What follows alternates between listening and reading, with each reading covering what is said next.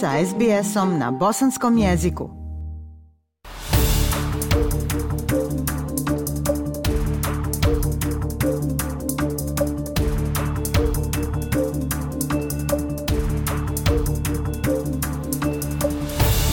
Slušate program SBS radija na bosanskom. U narednim minutama govorimo o porastu cijena stanovanja koji dodatno uvećava problem beskućništva. Stotine hiljada Australaca koji unajmljuju stanove suočavaju se s beskućništvom jer pad stope slobodnih radnih mjesta vrši pritisak na povećanje traženih cijena. Dok se situacija oko iznajmljivanja stanova pogoršava i može se pratiti unatrag do pandemije kada smo željeli više prostora, imigracija, trendovi izgradnje i stalni porast cijena pogoršat će i onako lošu situaciju. Prilog Gereta Borama. Stanarine se povećavaju a za njih financijski analitičar S&P Globala Martin Fo predviđa da će postati još veće. It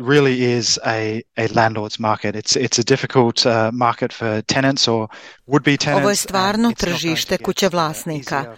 Ovo je teško tržište za stanare ili buduće zakupce, ali ni novim iznajmljivačima neće biti lakše u bliskoj budućnosti već su suočeni s najnižom stopom slobodnih stanova u gotovo dvije decenije i poskupljenjem za više od stotinu dolara sedmično, kako objašnjava izvršni direktor Unije stanara Novog Južnog Velsa, Leo Patterson Ross. And that means it's over a year that this family has to find in their household budget. To uh, znači da preko 5.000 dolara u toku godine porodica mora iznaći u svom kućnom budžetu a to dalje znači da ljudi smanjuju hranu, zdravstvenu zaštitu, obrazovanje i druge osnovne stvari samo da bi zadržali krov nad glavom.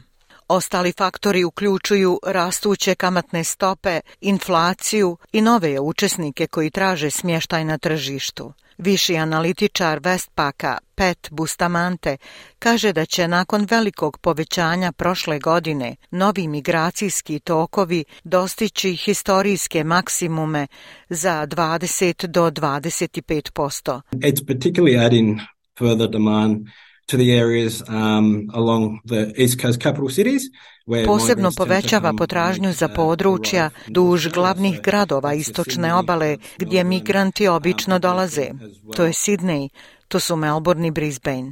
I dok je federalna vlada postavila za cilj izgradnju milion novih domova u narednih pet godina, glavni ekonomista udruženja stambene industrije Tim Reardon kaže da će nedostatak stambenog fonda ostati problem za kratko vrijeme.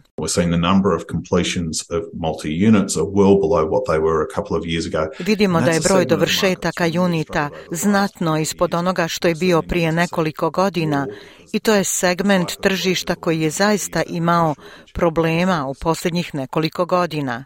Svakako ih moramo vidjeti više jer je to tip stana koji će najbrže ublažiti nedostatak stanova. Međunarodni studenti koji se vraćaju na australijske univerzitete nakon pauze u vezi s pandemijom COVID-19, među onima su koji osjećaju problem unajmljivanja stanova jer ih stalni nedostatak kreveta u kampusima ostavlja izloženim hirovima privatnog tržišta. Martin Fo kaže da to tjera mnoge da preispitaju svoj izbor obrazovanja. We know that um, international students, when they're thinking about where to study, they think about a lot of things. They think about um, living conditions Znamo da međunarodni studenti kada razmišljaju gdje da studiraju, razmišljaju o um, mnogim stvarima. Razmišljaju o uslovima života i fakultetima koje žele studirati i školarinama i načinu života i pravima na rad. I sve više smještaj postaje još jedan faktor koji moraju uzeti u obzir kada razmišljaju da li žele studirati u Australiji u određenom gradu. Možda će otići u drugi grad, možda otići u regionalni kampus ili možda otići do nekog od australskih konkurenata izvan zemlje, kazao je Martin Fo.